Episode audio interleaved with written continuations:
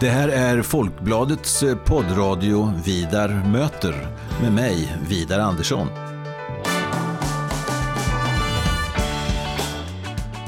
Jag är eh, chefredaktör på Folkbladet och jag är också ansvarig för Folkbladets ledarsida som eh, skrivs utifrån en oberoende socialdemokratisk hållning. Så i den här poddradion kommer jag att möta politiska personer av olika slag och vi ska ha ganska så korta och hoppas jag rappa samtal om stora och små samhällsfrågor. Varmt välkommen till Vidar möter.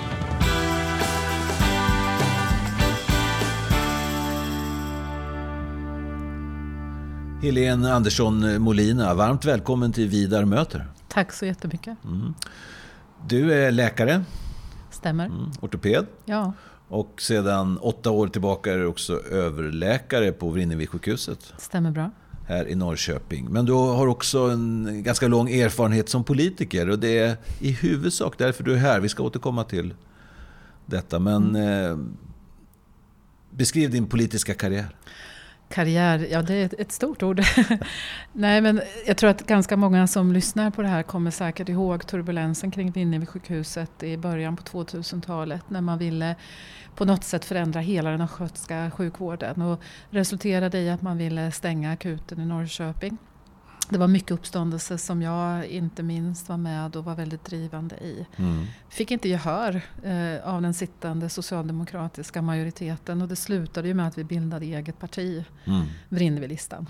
Och ställde upp i landstingsvalet som det hette då, 2006. Stämmer bra. Och det gick väldigt bra. Ja, näst största parti blev vi. Ja. Eh, det får man väl säga är ett enormt uttryck för vad alla människor faktiskt ville mm. och vad de hade hört och vad de tyckte var rätt. Mm. Eh, och då blev det ju en ny majoritet med Moderaterna och Vrinnevilistan, eh, Kristdemokraterna, Centerpartiet och mm. dåvarande Folkpartiet. Mm. För Socialdemokraterna, det var i huvudsak Socialdemokraterna ni snodde röster då? Ja, det var det ju. Ja. Enbart. Ja. Och det, alltså någonstans så kan jag känna att återigen, folket var väldigt tydliga med mm. vad de tyckte. Mm. Och det tror jag var väldigt bra. Socialdemokraterna lärde sig nog en hel del också för mm. det byttes ju ut ett 40-tal. Eh, Lasse Stjernkvist kom in också som någon typ av Ja, han gick in i, i landstingsfullmäktige. Han gjorde ju det. Han gjorde ja. under den perioden. Ja. Och det tror jag var som en helande kraft eller mm. länk emellan att försöka skapa bättre förutsättningar för dialog och lära sig av sina misstag. Mm. Jag tror att det var väldigt nödvändigt att han gjorde det. Mm. Och Vrinnevilistan eh, gjorde många bra, många bra saker, tycker jag. Men det, det mest eh, avvikande egentligen när man jämför med andra partier som har startat typ enfrågepartier, mm. det var att man också la ner verksamheten. När ja, jag tror att Alltså det var ju verkligen en, en, en fråga som var oerhört stor och Vrinnevilistan bestod ju till huvuddelen i alla fall utav vårdpersonal eller folk med förankring inom vården. Och när vi kunde åstadkomma det här på ett så pass bra sätt så tror jag att många kände att varför ska vi ha ett politiskt parti till? De mm. finns ju redan.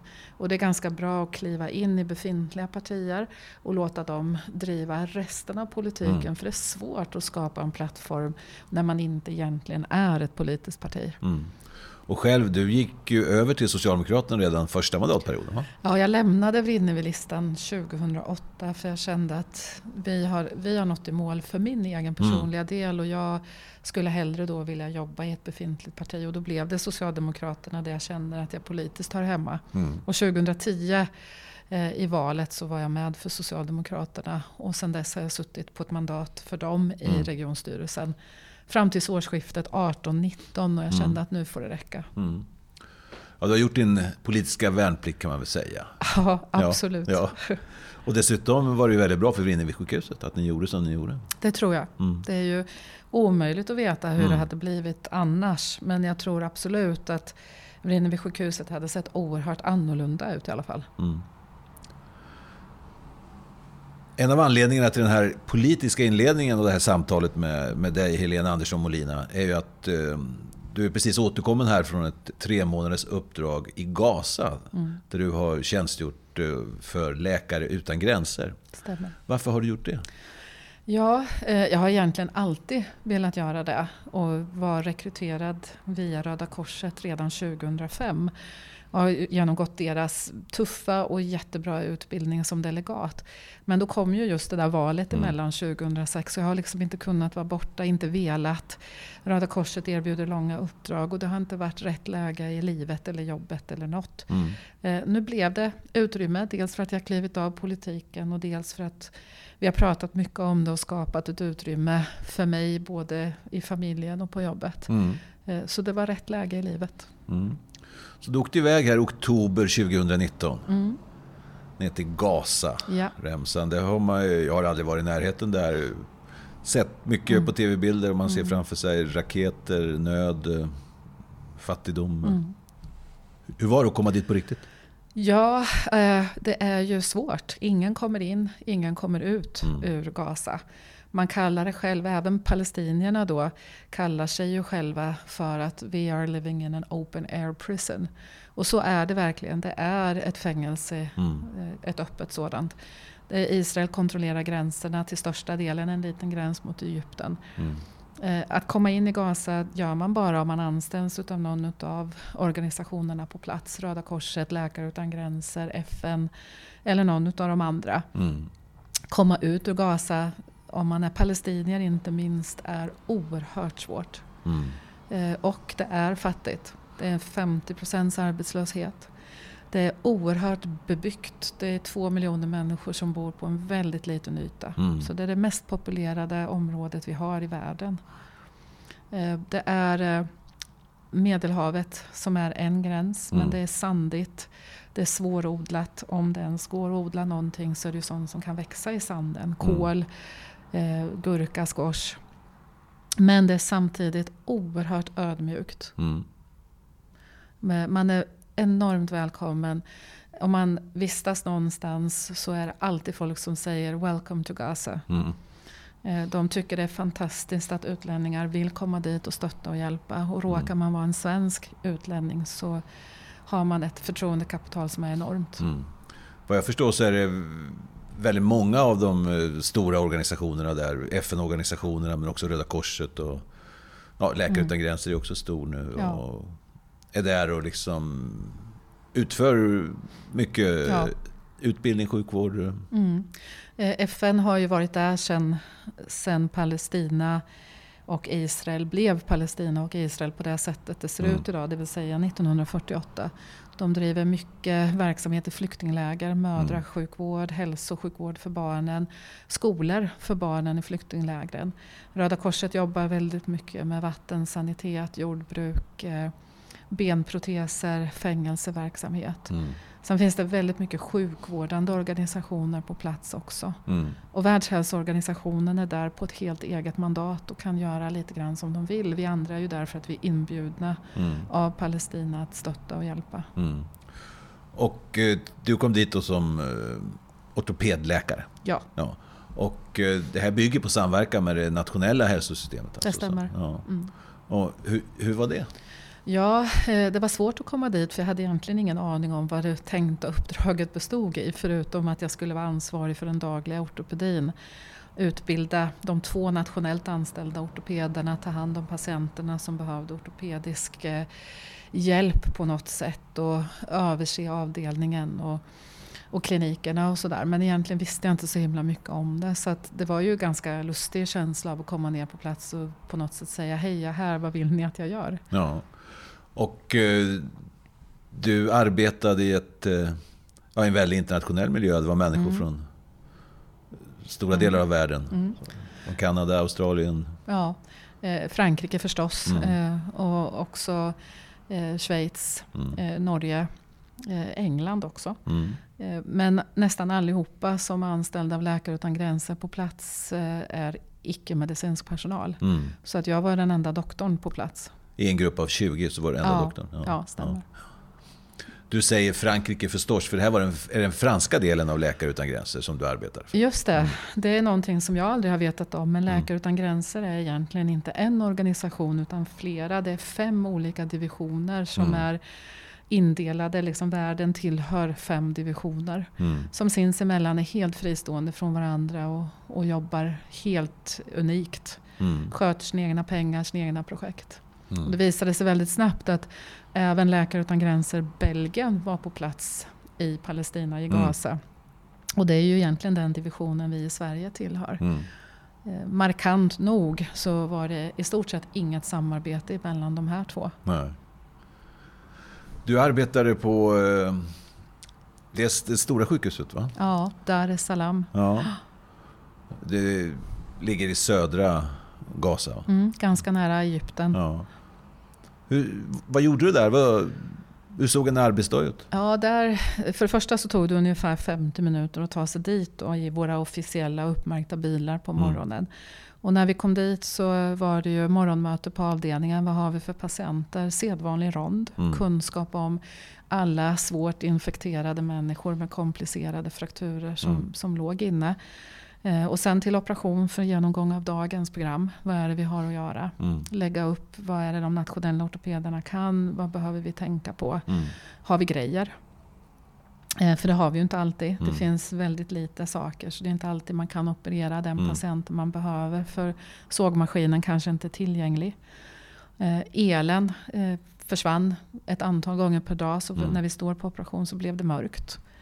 För det mesta så fick vi lösa det med ficklampor. För elen kom inte tillbaka. Mm. Eh, ibland kunde vi inte operera för det var slut på suturer. Eh, eller man var... Suturer, det är typ sytråd, man syr Ja men precis, ja, ja. det är det man använder ja. och syr med. Ja, ja.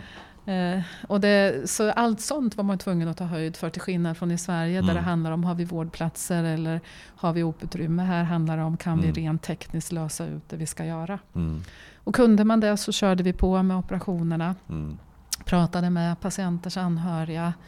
Eh, och sen så småningom fick vi åka tillbaka med samma transport. Mm. Och ni, ni bodde i ett hus där? Ja. Och där fick ni, ja, det var där ni skulle vara i ja, ja. Mm. Man får ju, det är ju, personliga friheten blir ju inskränkt. Man kan inte vara ute och gå fritt utan det är två och två som gäller och bara när det är ljust. Mm. Eh, och bara i godkända perimetrar. Det fanns mm. en liten gångväg dagtid och då var jag ju nästan alltid på jobbet. Så mm. det var helgerna som man eventuellt kunde vistas ute. Ja, och du var alltså där tre månader. Mm. Men ganska snabbt så kom du in eh, på det politiska skulle man kunna säga. Mm. Alltså gick utöver det dagliga vården där. Och ja. Vad var det som hände? Vad var det du upptäckte? Framförallt så var det väl så att utifrån att vi började jobba så insåg jag väldigt snabbt att det här handlar ju inte om akuta stora skottskador utan det här handlar om resttillståndet efter. Mm. Det vill säga ett och ett halvt år efter att 7000 människor blev svårt skottskadade i sina ben så har, har de hanterats på ett otroligt dåligt sätt. Mm. Man har opererat för att man kan, infekterat ben. Det vill säga man skapar mer och mer skador. Mm. Så att patienterna går runt med obrukbara ben. Fulla av ärr, fruktansvärda smärtor, mm. en hel del drogmissbruk. Eh, och jag kände att så här kan vi inte ha det och vad beror det på? Mm. Och när du började, började undersöka vad det berodde på, så vad fann du då? Ja, för det första så fick jag reda på ganska tidigt att hälsoministern som då styr den nationella hälso och sjukvården hade väldigt tidigt i maj 2018 sagt att Gaza ska inte amputera ben, Gaza ska rädda ben. Mm. Vi ska visa världen att vi kan det. Mm. Och då rekryterade han fyra ortopeder som egentligen inte bryr sig så mycket om människan utan mm. bara bryr sig om oh vad skojigt att jag kan få operera lite mera. Mm. Eh, och då, den symbiosen har ju lett till att man ser de här patienterna som sina personliga försöksdjur om jag ska uttrycka mig fult. Mm. Och eh, i och med att man skulle rädda benen så var man inte så pigga på att göra amputationer även när det hade varit rätt metod enligt Nej. Vi gjorde ju så att vi kartlade alla. Jag träffade alla våra patienter som är någonstans mellan 250 och 300. Mm. Eh, och insåg för det första att de inte hade en aning om någonting. De har inte fått någon information. Mm. De blev tillsagda kom på måndag så ska du opereras. Mm. De vet inte varför, de vet inte vad som är gjort. Eh, men naturligtvis börjar de ju tycka att det är lustigt att de inte har blivit bra. Mm. Men det har ju ingen av deras kompisar blivit så det kanske ska vara så. Mm. Så kartlägga, informera, titta på alla röntgenbilder. Mm. Och då insåg vi ganska snabbt att 30% av gruppen behöver amputeras nu. Mm. Och 30 procent till kommer att behöva amputeras när vi har hjälpt till lite med att skapa en bättre amputationsnivå. Mm. Så 60 procent i den här gruppen av kanske 800 totalt Mm. behöver amputeras. Mm. Och då så... Ja, vad gjorde du då? Ja, för det första så försökte jag först att prata med, med mitt team, Mm. det vill säga den ansvariga projektledaren för mig på plats Mm. och hans chef, alltså Head of Mission kallas det för, som sitter i Jerusalem. Mm. Och vi hade mycket diskussioner och jag ritade och berättade och förklarade och fick klartecken av dem. För Mm. att Läkare Utan Gränser har ju stått bredvid och underlättat dålig sjukvård genom att ge antibiotika, Mm. låta patienterna ligga inne på vårdplatser. Eh, Man har gjort dagliga omläggningar av fruktansvärt infekterade sår utan att ställa en enda kontrollfråga. Mm. Så det är klart att det blev pinsamt men samtidigt så kände väl de att självklart måste vi göra rätt. Mm. Eh, Så det var väl nummer ett att få med dem. Mm. Prata med de nationella palestinierna, sjukgymnaster, sjuksköterskor, läkare. eh, Som också till största delen tyckte att ja, vi förstår, vi har sett jättebra. Mm. Eh, Och sen då börja kartlägga patienterna. Kalla till olika möten med nationella ortopederna som Mm. försökte försvara sig med att det egentligen är Egyptens fel att det här har Mm. hänt. Och lite andra bortförklaringsmodeller. Eh, Kalla till möten med de övriga organisationerna och visa så här ser det ut. Samstämmigt i de internationella organisationerna kan man säga. Eh, Vi blev uppkallade till möte med vice hälsominister Mm. som faktiskt när han såg en stor rapport som vi då har skrivit ihop efter att vi har gjort den här kartläggningen förstod att det här är verkligen inte bra. Mm. Kan du komma hit och utbilda? Eh, Vi fick igång en amputationslinje så tio patienter blev amputerade innan jag åkte hem. Mm. Eh, Och vi har inte gjort det i Läkare Utan Gränser utan nationella hälso eh. För det är ju så att man måste kunna ta hand om dem väldigt långsiktigt och då är det Mm. bra att det görs nationellt. Eh, Vi får se lite mer vad det har för utfall. Världshälsoorganisationen har rapporten Mm. och de har ju som sagt ett eget mandat. Mm.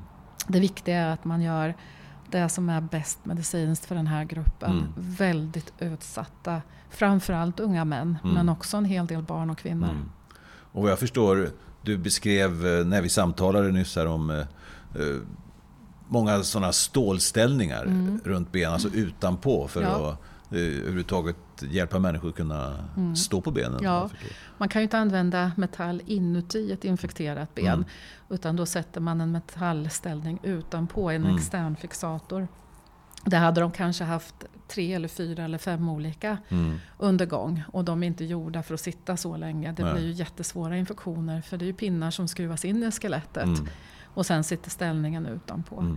Mm. Och det du säger nu, alltså den kritiken du, du säger här mot de här stålställningarna, det är liksom ingenting, en kunskap som bara finns i Norrköping. Utan Nej. den, det är liksom, Världsomspännande. ja, och som gäller. Ja. Men ändå håller man på så. Ja, Ja. och de här stålställningarna, de slutliga som man använder för benförlängning kan man absolut använda men då måste man ha ett friskt oinfekterat ben till Mm. det.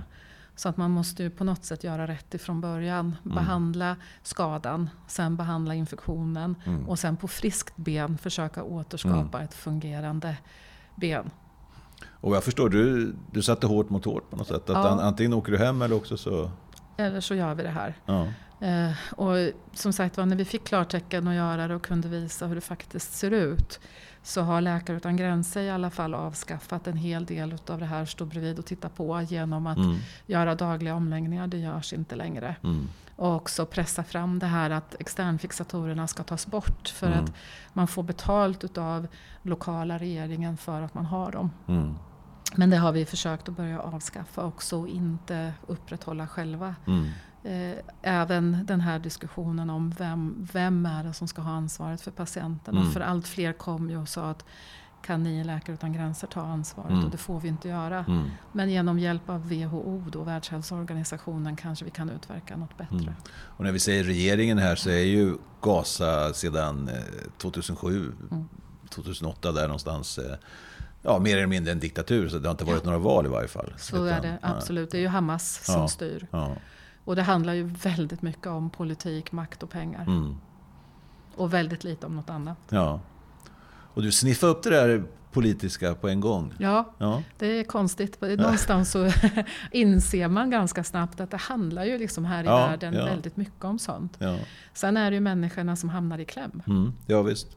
Och som blir här nu, kanske en del av de här som borde ha fått en annan vård, men som ja. blev liksom de slagträn, de pinne vi ska visa världen. Och, I allra högsta grad, det är precis så man använder dem. Eh, och det är ett jätteproblem i ett land där det är väldigt mycket fattigdom och där de är sköra, lite undernärda till att börja mm. med. Även om de är 23 år gamla och superfriska. Mm. Så, så genererar man ju en generation svårt handikappade människor. Mm. För att man behöver använda dem politiskt. Mm. Eh, du har ju varit mycket i andra länder, bland annat utbildat dig delvis eh, av din läkarutbildning både i Mexiko, Australien och Sverige. Och så Men det här var ditt första uppdrag som mm. läkare i nästa mm. organisation. Blir det fler gånger för dig? Tror du? Ja, det ja. absolut. Ja. Eh, men nästa gång blir det med Röda Korset. Ja. Och kanske inte tre månader, det är länge att vara borta hemifrån. Mm. Om man ser på ditt personliga plan avslutningsvis här. Har du förändrats? ja. ja. Eh, jo men det har jag nog. Jag tror att man måste förändras. Man lär sig väldigt mycket om sig själv. Eh, det jag har lärt mig är väl att jag är en politisk person, det kan man nog säga. Mm. Och att jag är lika besvärlig på arabiska som på svenska. Ja, det tror jag. men samtidigt det här att jobba under väldigt små förutsättningar, att försöka hitta problemlösningar, att inte se problemen utan att se lösningar. Mm. Man utvecklas ju definitivt som människa, man blir mm. en bättre lagspelare. Eh, får mycket större förståelse för stort och smått. Mm. Eh, och det är väldigt bra. Mm. Och det säger alltså Helene Andersson Molina, överläkare på Vrinnevi sjukhuset i Norrköping. Och eh, inom kort så kan eh, man läsa en längre intervju i Folkbladet och på folkbladet.se med Helene Andersson Molina. Eh, med de orden, så stort tack för att du kom hit Helena. Tack själv. Mm.